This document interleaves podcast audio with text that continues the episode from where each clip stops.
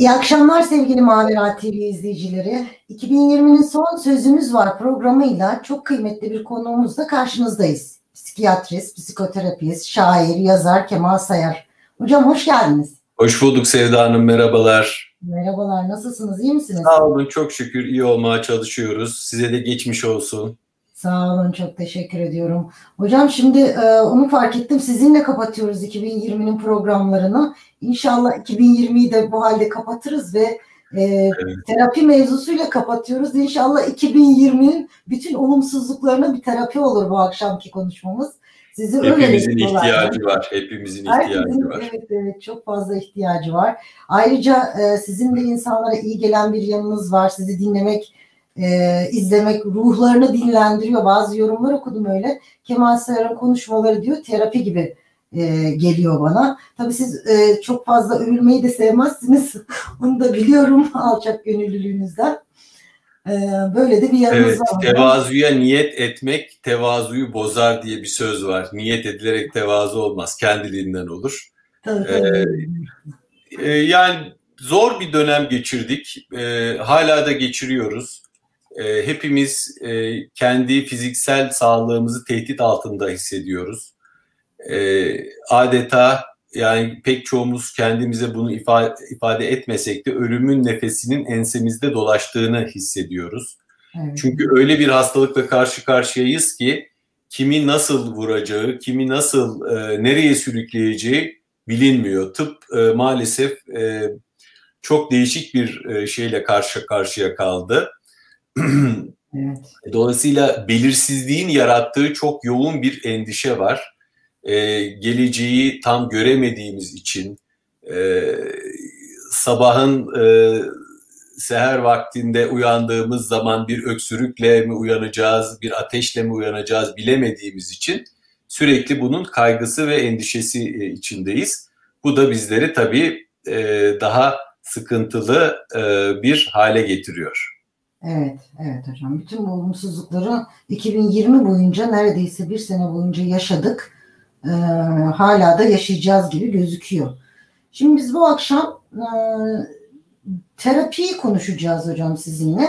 Dizilerden gerçeğe e, terapiyi konuşacağız. Daha çok diziler eksenli. Neden bunu seviyoruz diye. Evet, evet evet. Bir de böyle ilginç bir işte pandemi dolayısıyla evlerdeyken biz işte bir takım paniklerimiz oluşmuşken böyle bir dizilerle karşılaşmak da ve onları sevmemiz de e, neden belki bunları konuşacağız.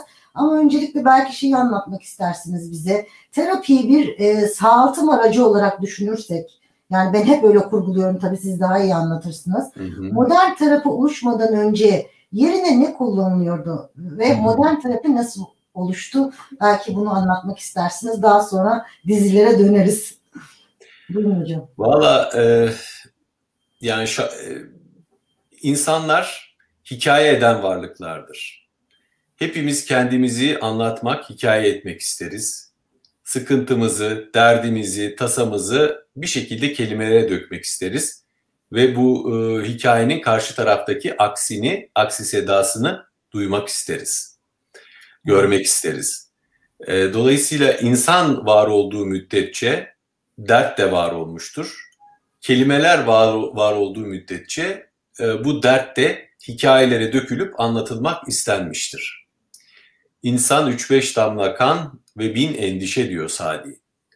Ee, o endişeleri bir şekilde karşımızdaki insanlara duyurmak, geçirmek istiyoruz. Ee, ve böylece hafiflediğimizi, rahatladığımızı hissediyoruz. Ee, geçmiş çağlarda dert dinleyiciler muhakkak vardı. Ee, insanların derdini dinleyerek e, efendim onlara bir yol gösterme işi e, daha dinler öncesi çağlarda şamanlara ait bir e, haktı, imtiyazdı. Şaman yaralanmış şifacıdır.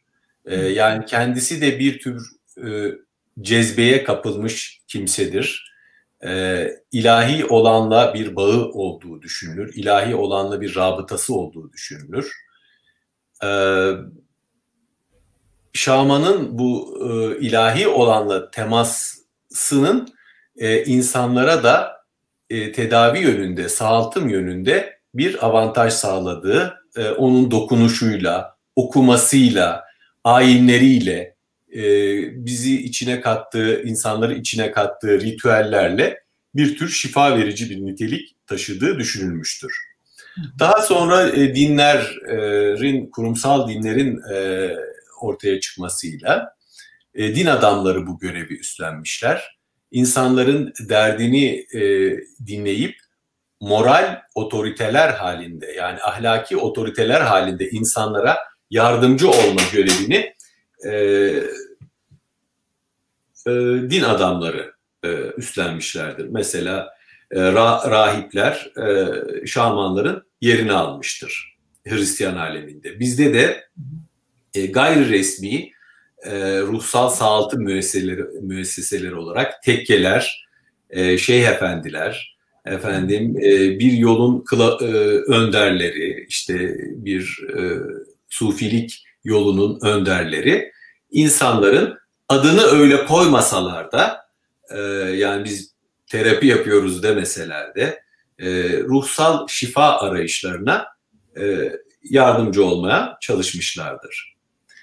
E, bizim Osmanlı ve Selçuklu tecrübemize baktığımız zaman mesela Karacaahmet köyünde e, çok enteresan bir şekilde tırnak içinde deli e, yani kelimenin pejoratif anlamıyla değil e, ama e, farklılaşan ruhsal e, belirtileri ve davranışlarıyla farklılaşan tırnak içinde delilerin e, Karacaahmet köyünde e, halkın içinde tedavi edildiğini, halkın onlarla beraber yiyip içtiğini, e, beraber çalıştığını e, biliyoruz. Bizim geleneksel kültürümüze mesela baktığınız zaman meczup asla pejoratif bir şey değildir. Meczup Allah'ın cezbesine kapılmış ve e, o cezbeyle e, bazı bizim eremediğimiz hakikatlere ermiş ve e, biraz da o hakikatlerin ışığında farklı davranabilen e, bir kimsedir. E, o yüzden e, mesela Orta Çağ'da e, tırnak içinde yine kullanıyorum deliler e, yakılırken e, efendim e, cadı olarak avlanırken e, bizim e, 800'lü 900'lü yıllarda Kahire'de Şam'da e, büyük hastanelerimiz vardı. Ruhsal e, tedavi e, yapan hastanelerimiz vardı. E, ve bu hastanelerde e, Michael Dawes'un e, ünlü kitabı Mecnun e, da anlattığı gibi Türkçe'ye de çevrildi bu çok muhteşem eser. E, koku terapisi, terapisinden, koku tedavisinden efendim e, müzik tedavisine kadar e, her türlü değişik e, terapiler yürürlüğe konuyordu. E, dediğim gibi din adamları bir e, moral problemlerin çözümü olarak e, bu işi devralmışlardı ve e, insanlara yardımcı e, oluyorlardı. Bir moral yetke, bir moral otorite olarak e, din adamı e, işte derdi olan, sıkıntısı olan kişiye şöyle yapma, böyle yap, şöyle yaparsan Tanrı bundan daha memnun olur, Allah bundan hoşnut kalır şeklinde bir yol gösteriyorlardı. 19. yüzyılın başından itibaren bilimlerin ön plana çıkması ve bilimsel dünya görüşüyle dini bakış açısının bir tür çatışma içine girmesi aslında beraberinde ruhsal problemlerin de kimin alanında kaldığı tartışmasını getirdi. Çok ilginç bir istatistik var. Terapi adlı kitabımda ben bunu tartışmıştım e, Batı dünyasında e, rahiplerin e, sayısı düşerken e, psikoterapistlerin, psikologların sayısı artmaya başlıyor 19. yüzyılla beraber. E, çünkü e, dinin sunduğu açıklama biçimlerinin Batı dünyasında yeterince muteber olmadığı, bu alanın ancak bilim tarafından kuşatılması ve bilim tarafından e, açıklanması gerektiği yönünde bir e, kanaat oluşuyor. Ve bu da e, giderek insanların ruhsal sıkıntılarının e, bir bilim halinde ele, ele alınmasına, e, ve e, değişik yöntemler geliştirilmesine yol açıyor. İşte Freud'la beraber bilinç dışı dediğimiz bir alan tarif ediliyor. Yani insanın görünürdeki davranışlarının görünmez bazı kuvvetlerin tesirinde ortaya çıktığına dair bir kanaat beliriyor. Aslında e, çok enteresan bir şekilde işte Kopernik e, devrimi denen süreçle e, başlayan bir şekilde e, biz evrenin e, merkezinde dünyanın olmadığını fark ediyoruz. Darwin e, çıkıyor ve diyor ki biz soylu varlıklar değiliz. Yani Batı biliminin izleklerini söylüyorum. Biz soylu varlıklar değiliz. Bizim e, işte atamız başka canlılardır. E, dolayısıyla o canlılardan e, biz e, bir süreklilik olarak buraya e, gelmiş duruyoruz. Dolayısıyla insan yani öyle zannettiğimiz kadar e, muazzam bir varlık değil. Bir evrimleşme sonucunda buraya gelmiş bir, bir varlık diyor. Ve Freud da bu halkayı şöyle tanımlıyor, tamamlıyor.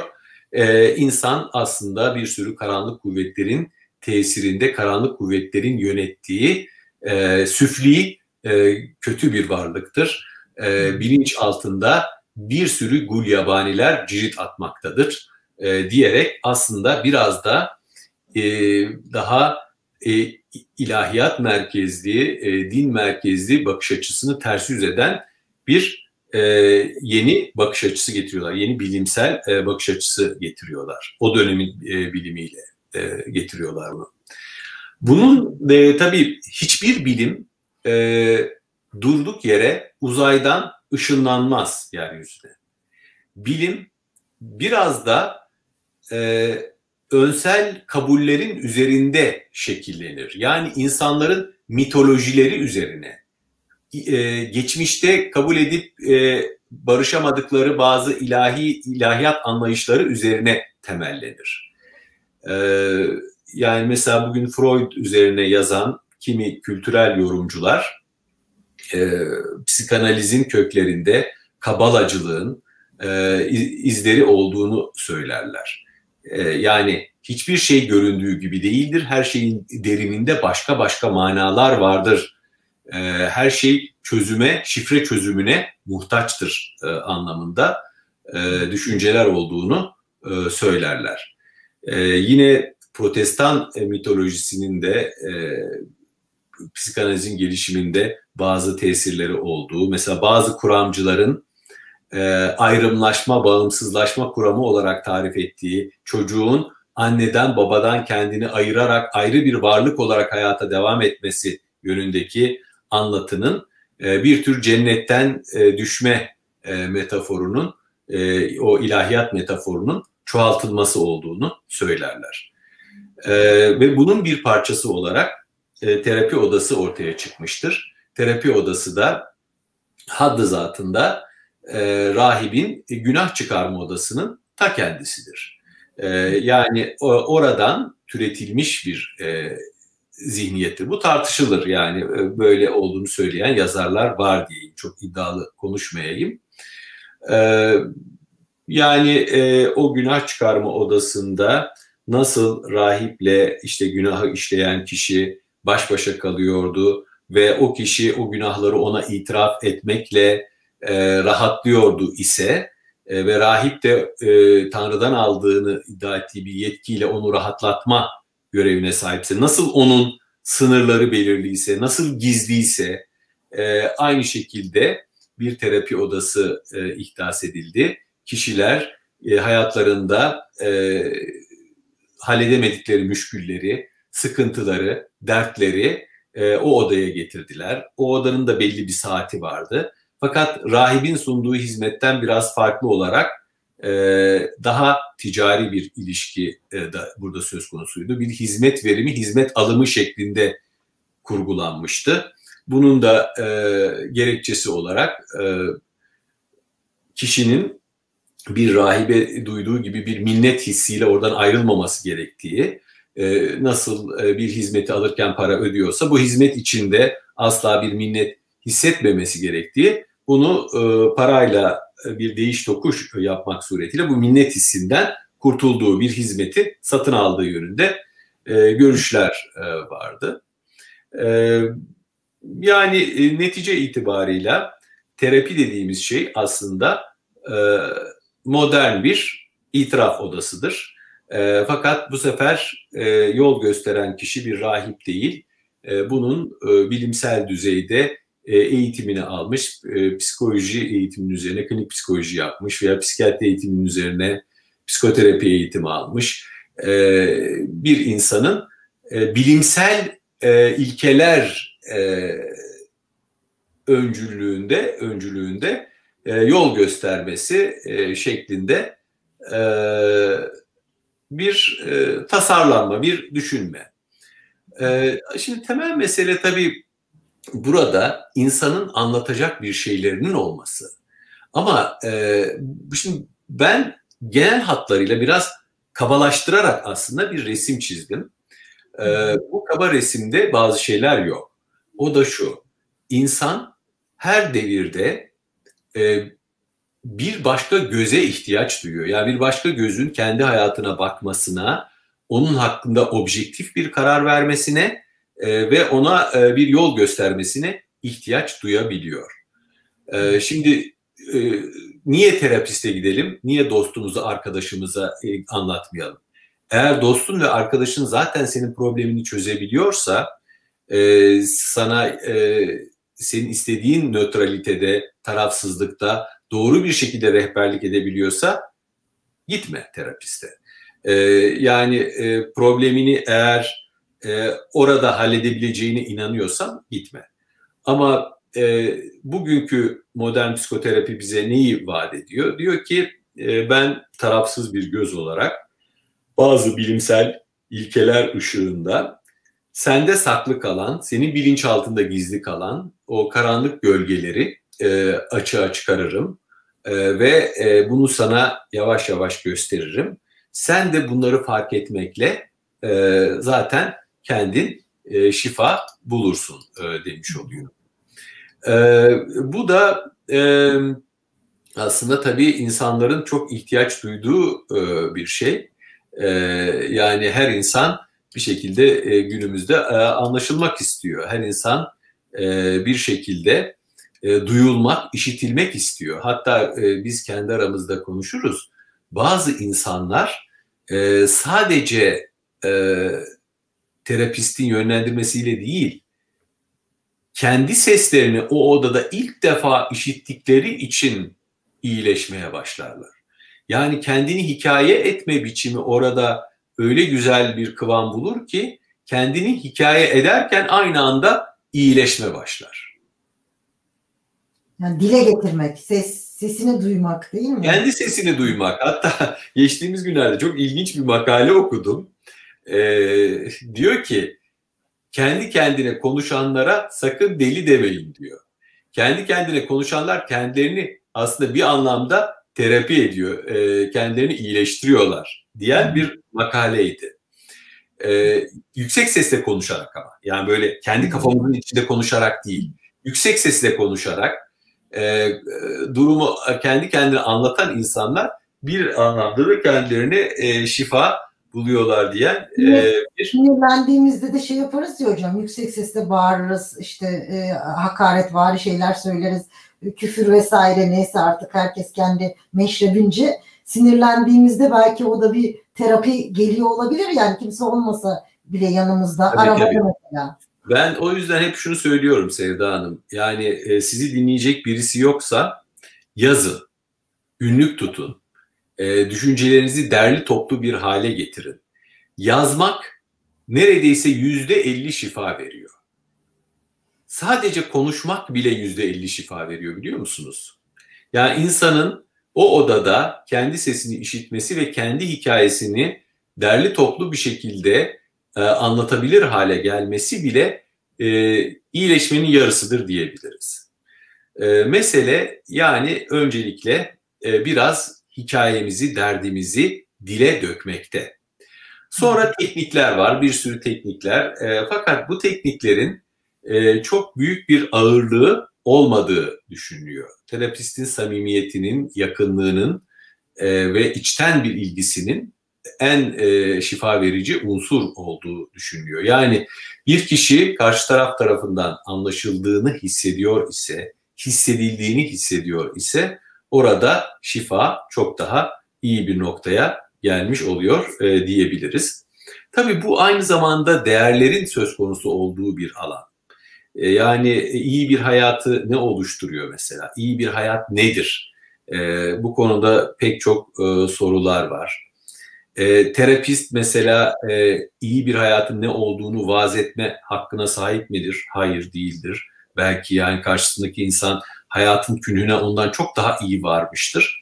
E, biz sadece belli bir alanda, belli bir sorun alanında e, doğru bir kılavuzluk e, yapmak mecburiyetindeyiz yapabildiğimiz kadarıyla. Ee, Peki hocam, e, Türkiye'de e, şimdi kaynağı batı ya bu modern terapi. Evet, evet, e, evet. Türkiye'de bu kültür oturabildi mi? E, yani ne bileyim atıyorum batıdaki şey e, ilk Freud'den çıktığı haliyle işte o içinizdeki karanlığı keşfedin modeli yani basit evet. bir şekilde getirirsek. Bu bize uydu mu bizim kültürel kodlarımıza? Ya rahatlıkla Türkiye'de bir terapi kültürü var diyebilir miyiz şu durumda? Ee, yani Türkiye'ye biraz geç intikal etmiş bir e, terapi e, modalitesinden bahsedebiliriz. Yeni yeni bizim de psikanaliz cemiyetlerimiz falan oluşmaya başladı. Bilişsel davranışçı terapi yeni kurumsallaştı belki bir 15-20 yıldır. E, kültüre duyarlılık e, bence terapinin en önemli e, hususlarından birisi. E, o konuda e, yeterince e, uyanık ve dikkatli olduğumuzu söyleyemem. Yani biz e, batılı e, insan modelinden çıkan e, anlayışları kendi insanımıza e, hiçbir e, filtreden geçirmeksizin, hiçbir kültürel e, uyarlama içine girmeksizin uygular isek, e, burada e, insanımıza haksızlık yapmış olabiliriz. E, bu e, geçtiğimiz e, aylarda e, bir başkadır dizisi e, olmuştu e, bir platformda. orada mesela ilginç bir şekilde buna yer verilmişti. daha geleneksel olan danışanın daha batılı eğitimden geçmiş olan terapiste hediye vermek istemesi ve onun bu hediyeyi kabul etmemesi. daha böyle psikanalitik akış bakışla bakarsanız o hediye aslında terapisti bir şekilde kendisine medyonu şükran kılmak için onu e, adeta kendisine boyun eğdirmek için yapılan bir hamleymiş gibi okunabilir. Ama eğer kültürel okumayı oraya eklemezseniz bizim kültürümüzdeki yardımlaşma, bizim kültürümüzdeki hediyeleşme kültürünü oraya eklemezseniz eksik bir yorum yaparsınız ve karşınızdaki insanı kırmış olabilirsiniz. Onu yeterince anlamamış olabilirsiniz. Ben yani biraz o konularda kendimizi daha çok geliştirmemiz ve kültürel tevazu olayını e, biraz daha çoğaltmamız gerektiğini düşünüyorum. Kültürel tevazu şu demek. Yani terapist e, konumundaki kişi e, danışanından daha üstte bir yerde durmaz. E, ona bir şey öğretecek pozisyonda da durmaz e, onun arayışı konusunda onun doğru yerlere yöneltmek ve onun kendisiyle karşılaşmasını, yüzleşmesini sağlamak için bir tür e, kılavuz kaptanlık yapar, bir tür e, işte yol göstericilik yapar. Ama ona e, üstten, tepeden bakamaz. Kendi dünya görüşünü, kendi bakış açısını onu empoze etmeye yeltenemez. Terapi biri diğerinden daha dertli iki insanın buluşmasıdır demişti Irvin Yalom. Ben bu söze çok e, inanıyorum. Bazen insanlar ikisi de dertlidir. E, ama siz o an için daha, daha az dertlisinizdir belki ve e, danışana yardımcı olmak e, durumundasınızdır. E, yani e, insanlar her zaman hikayelerini en güzel şekilde anlatmak isterler. O hikayelerden anlamlı bir şey çıkarıp e, danışana geri vermek e, ve danışanın da bunu aa evet bu hikaye böyle de okunabiliyormuş ya benim getirdiğim hikaye sadece bir bozgun hikayesi değilmiş bir e, acıklı hikaye değilmiş bu aynı zamanda bir zafer bir hayatta kalma bir ayakta kalma hikayesi olarak da okunabiliyormuş diyebildiği zaman bazen işte o öyle anlarda e, değişim gerçekleşebiliyor. Çünkü pek çok insan bizim kültürümüzde böyle bir şikayetlenme ve yazıklanma e, şeyi var, e, havası var. E, bu yazıklanma havası e, içinde e, gelip e, e, mesela terapistin kendi hikayesini onaylamasını ve olduğu gibi onaylamasını, kendini sırtının sıvazlamasını isteyebilir. Ama sırt sıvazlamak tek e, başına e, tedavi edici olmayabilir, iyileştirici olmayabilir. E, belki orada doğru yerlerde dolaşmak ve bu hikayeyi yeniden nasıl yazabiliriz, nasıl daha iyi yazabiliriz, nasıl daha güçlü yazabiliriz e, onlara e, bakmak lazım. E, terapist danışana belki daha mutlu bir geleceğin alternatif, alternatiflerini sunan farklı ve güç verici hikayeler kurması konusunda yardımcı olabilir. Farklı benlikler tasarlaması konusunda yardımcı olabilir. Ee, yani bir tür arkeoloji yapabilir. Daha derinlerde yatan o değerli şeyleri e, ortaya e, çıkarabilir. E, aynı zamanda e, bazı sorulara cevap arayabilir. Yani hangi ıstırabı dindirmeli kişi? E, anormal olan nedir? Sağlıklı olan nedir? Efendim bu problem ne kadar ciddi? Bunun üzerinde durmaya ne kadar e, gerek var? Bu vakada bu durumda hangi terapi uygulanmalı e, gibi e, bir şey e, olabilir. Terapi ne kadar sürmeli? Eğer içgörü olacaksa nasıl bir içgörü olmalı? E, bütün bunların e, cevabı e, araştırılabilir. E, yani hayat özü itibariyle bir anlam ve gaye arayışından ibarettir. Ben mesela anlam arayışını ıskalayan e, terapilerin çok da insana yardımcı olamadığını e, düşünüyorum. E, yani anlam gezegeninde bir yerden başka bir yere gidiyoruz. Yani geçmişten, ıstıraptan, boşluktan, eksiklikten, hamlıktan yola çıkıyoruz. Başka bir yere gidiyoruz. Başarıya, mutluluğa, yeterliliğe. E, işte o yolculuk e, sırasında doğru rehberlik e, önemli. E, yani bu manada e, biraz belki teorik şeylerden bahsediyorum ama e, terapi hem genel manada yardım arayanı yönlendirmekle ilgili hem de nerede olduğunu anlama yani bir yer e, bir istikamet tayini yapması konusunda da ona e, yardımcı olan e, bir şeydir diyebilirim. Bu kadar uzun konuştuk.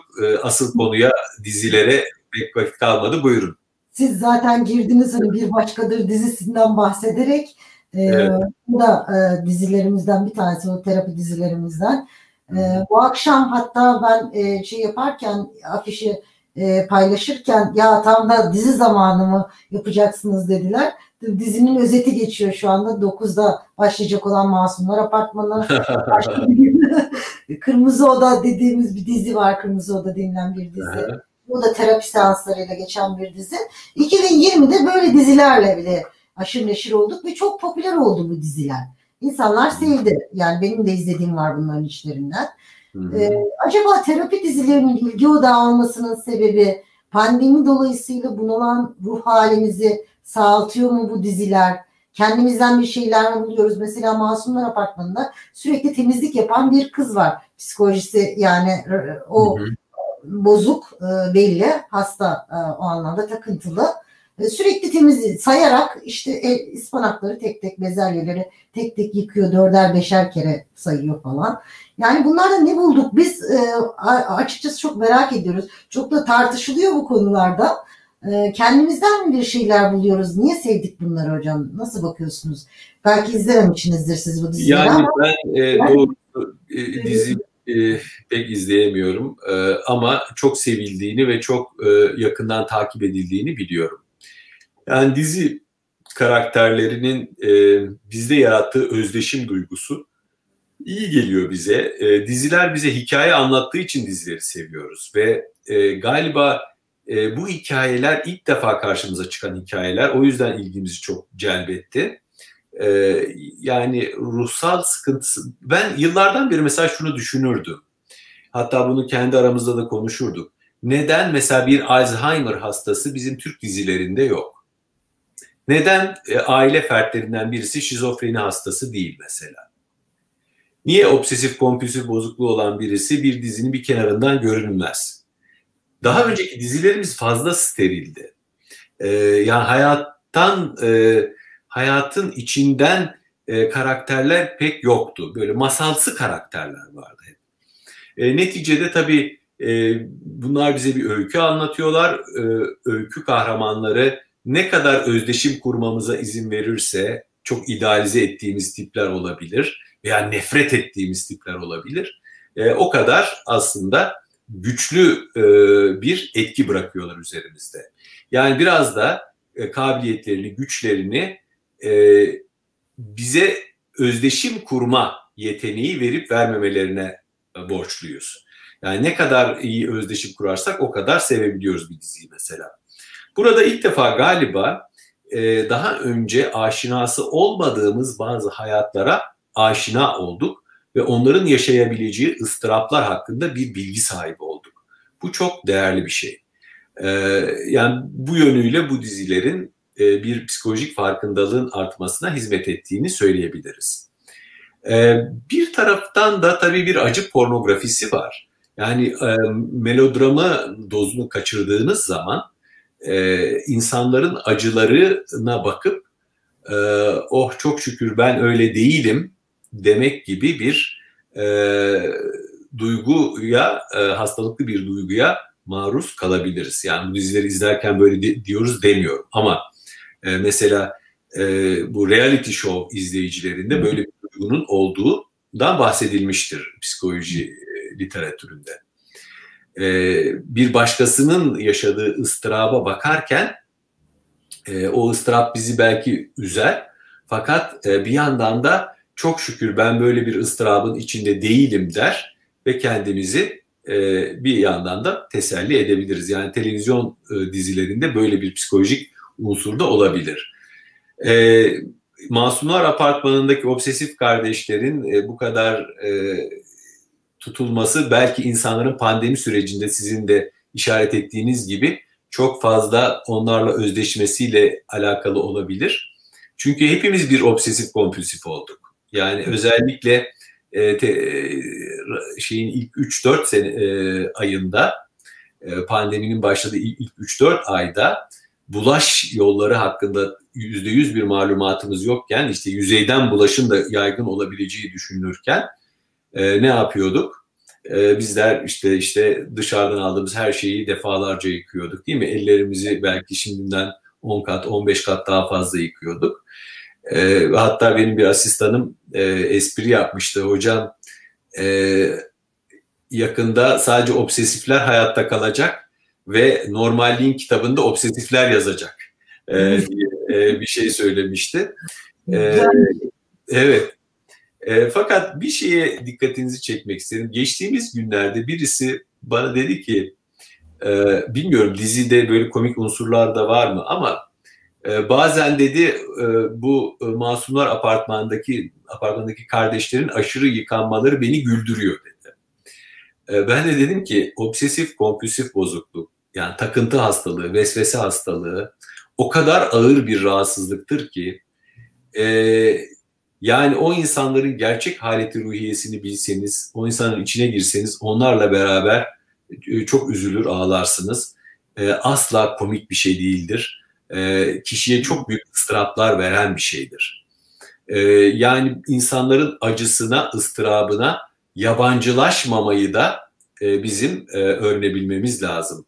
Yani bütün bu dizileri izlerken e, başka bir gezegenden birisi geliyor komik şeyler yapıyor gibi e, o insanların acısını e, izlemeyip e, yani böyle olmak nasıl bir şey bu insan gibi olmak nasıl bir şey dediğimiz o muhteşem soruyla kendi kendimizi baş başa bırakmamız lazım. Yani sosyal empati dediğimiz bir başkası olmak, bir başkasının ıstırabını yaşamak nasıl bir şeydir? Ee, onunla nasıl e, efendim biz e, hemhal oluruz? E, onu nasıl daha iyi anlarız? E, bu soruları sormamız lazım.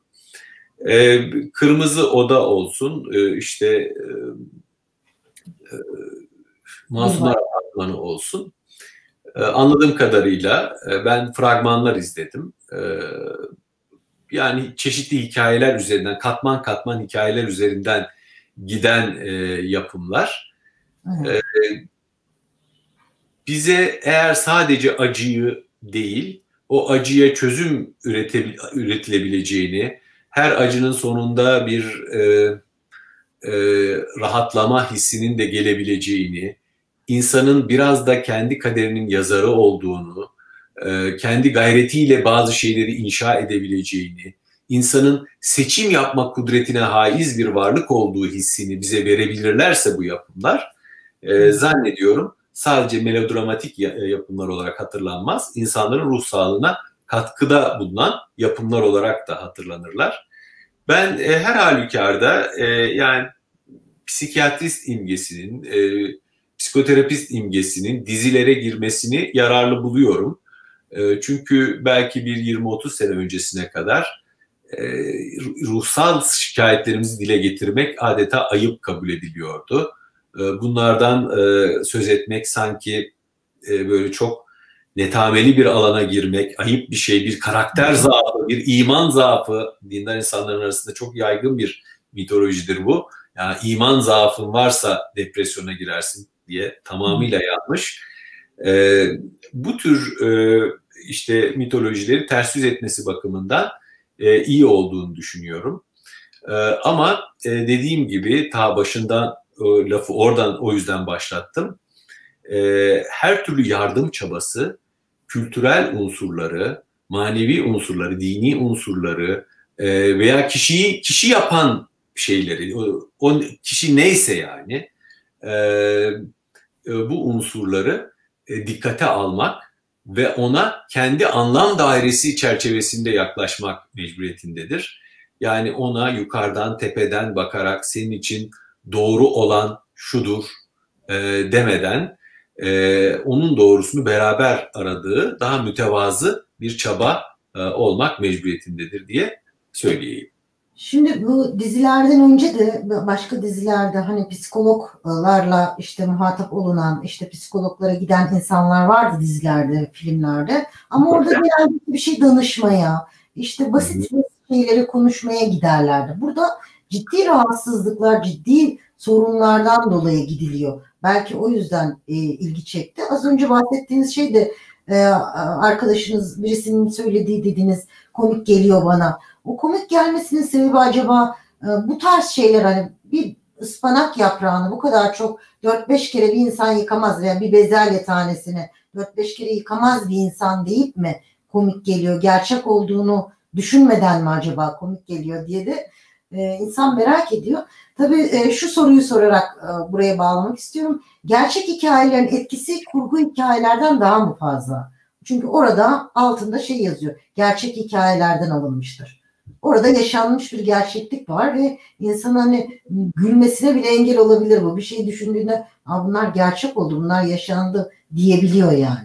Daha fazla etkiliyor mu acaba? Muhakkak ki tabii ki e, yani gerçek e, hikayelerin bize nüfuz etme kabiliyeti çok daha yüksek. E, bizler e, bir filmi, bir e, hikayeyi, bir dizi filmi, bir romanı e, gerçeklikten esinlenerek yazıldığını bilerek okursak veya izlersek e, çok daha fazla ondan etkilenebiliyoruz. E, çok daha basit bir şey söyleyeceğim size. E, insanlara e, yani bir rakam vermek mesela şu kadar insan aç dünyada demek bir yanda e, öbür yanda ise aç bir insanın resmini ve muhtaç bir insanın resmini göstermek öbür yanda ise insanlar e, rakamlardan değil e, görüntülerden etkileniyorlar. Çünkü e, insan zihni kolayla orada kolaylıkla orada gördüğü kişiyle hızlı bir özdeşim kuruyor ve onun yerinde ben de olabilirdim deyip mesela elini daha kolay cebine atıp e, yardım ediyor. E, bu yardım kuruluşlarının o yüzden bazen e, sahadan gerçek örnekleri sık sık hatta e, karşımıza getirdiğini görürüz. Çünkü bu insanların yardımseverlik davranışını çok artıran bir şey. E, doğrudan örnekle karşılaşmak veya hayatın içinden örnekle karşılaşmak bizi bizim empati duygumuzu e, biraz daha herhalde harekete geçirmiş oluyor. Evet. Susan Sontag'ın var ya bir kitabı hocam Acılara Bakmak diye. O acıların... Evet. Susan Sontag'ın o kitabı çok önemli. Acılara bakmak e, da e, Zontag e, bizlerin modern insanın fotoğraf yoluyla acıları dönüştürdüğünü söyler. E, acıları seyirlik nesne kıldığını söyler ve aslında bazı acıları da fotoğrafa hapsettiğimizi söyler. E, işte bundan da uzak durmak lazım. E, insan çok fazla e, eğer şeyi görürse, evet bravo çok güzel oldu. Başkalarının acısına bakmak. E, bir de fotoğraf üzerine diye bir kitabı vardır Suzan Zontak'ın. Onunla beraber bununla okunur, bunlar okunursa yani başkasının acısını nesneleştirmeden e, onunla tam bir empati kurarak, onun içine girerek, onu hissederek e, ona bakabilmek e, herhalde çok daha üstün bir meziyet. Ya antropolojiye baktığınız zaman 100 yıl önce kurulurken başka insanları aslında Batı ırkının ne kadar üstün olduğuna ikna etmek ve başka batılı olmayan insanların e, ne kadar tahakküme muhtaç olduğunu e, bize söylemek için e, kurulmuştur e, denir. E, madem kitapları böyle hızlıca gösterebiliyorsunuz, İlkel Adamın İcadı diye bir kitap var. Adam Adam Kupfer'in. E, yani bu, bu ilkel adam mitolojisinin aslında batılı zihinleri e, biraz e, okşayan, e, batılı büyük e, beyaz efendinin e, efendim e, nasıl toplumun diğer kısımlarına hükmetmesi gerektiğini e, efendim söyleyen e, bir e, mitoloji, bir söylence olduğunu e, tartışan bir kitap. E, netice itibarıyla e, bir e, Nijeryalı doktor, onunla hitama erdirelim. E, Nijeryalı bir doktor, e, evet ilkel toplumun icadı Adam Cooper. Evet. E, Nijeryalı doktordan bahsediyordunuz hocam. Yoruba köyüne gidiyor. İngiltere'de eğitim yaptıktan sonra yıllar önce okumuştum bu hikayeyi. Çok iyi bir psikiyatrist oluyor. Çok iyi kurumlarda çalışmış filan. Ee, fakat güzel bir klinik kuruyor. Modern batılı manada bir klinik kuruyor. Fakat kimse kendisine gelmiyor. Herkes yine köydeki şeye gidiyor. Şaman şifacıya gidiyor. Ya ne oluyor filan diyor ya. Ben bu kadar okudum ettiğimi kendi halkıma hizmet etmek için e, e, geldim. E, niçin e, beni e, bu insanlar dinlemiyor, e, gelmiyor diye baktığı zaman gidiyor Yoruba e, sağaltıcılarıyla, Yoruba şifacılarıyla beraber oturup ne yapıyorlar diye bakmaya başlıyor. Diyor ki bu adamlar mesela grup psikoterapisinin bütün ilkelerini zaten kullanıyorlardı. Adamlar da oturup herkesi bir halka yapıp grup terapisi yaptırıyorlardı. E, halkın bana ihtiyacı yoktu diyor. Bunun üzerine kendi kliniğine maaşlı Yoruba şifacılarını alıyor. Ve Yoruba şifacılarıyla beraber e, psikiyatri hizmetini vermeye başlıyor. Bakın mesela bu çok devrimci bir bakış. Evet. Kültürel olanı hemen içine alarak e, on, e, ondan yararlanmanın e, bir yolunu bulmak ve halkla aynı dili konuşmak. Onlardan farklı olmamak, onlardan farklı e, davranmamak. E, ben Güney Afrika'da e, bulunmuştum yani bir gezi maksadıyla. Orada e, Zulu bir Zulu kabilesinde çalışan e, bir genç e, hanıma e, dedim ki sizin buralarda konuşurken e, sizin buralarda da yerel şifacılar revaçta mı dedim. Türkiye'de dedim bazı yerel şifacılar revaçta insanlar her şeye rağmen yerel şifacılara da gider bir şekilde filan dedim. O dedi burada biz önce hep onlara gideriz filan dedi. Neden dedim modern tıbbın sunduğu bütün imkanlar dururken ve sizin ülkenizde de gayet gelişmiş hastaneler dururken neden e, yerel şifacıya gidiyorsun dedim. Kızın verdiği cevabı hiç unutmuyorum. Bir kitabımda da yazmıştım. İngilizce söyle dedi bana. Because they listen to us. Çünkü onlar bizi dinliyorlar. Evet. Ee, benim bir e, antropolog arkadaşım var. Şuşrut Cadhav, antropoloji profesörü, psikiyatri profesörü İngiltere'de. Onun e, Beyaz Hastalar, Kahverengi Doktorlar diye çok etkili bir makalesi vardır. Antropoloji camiasında çok tartışılmış bir makalesi. Orada bir hikaye anlatır. Ee, İngiliz hastalar arasında memnuniyet anketi yapıyorlar. Ve e, hastalar Hint ve Pakistan doktorlardan çok daha fazla memnun çıkıyor İngiliz doktorlara göre. Yani memnuniyet anketinde o doktorlar daha e, yüksek e, puanlar alıyorlar.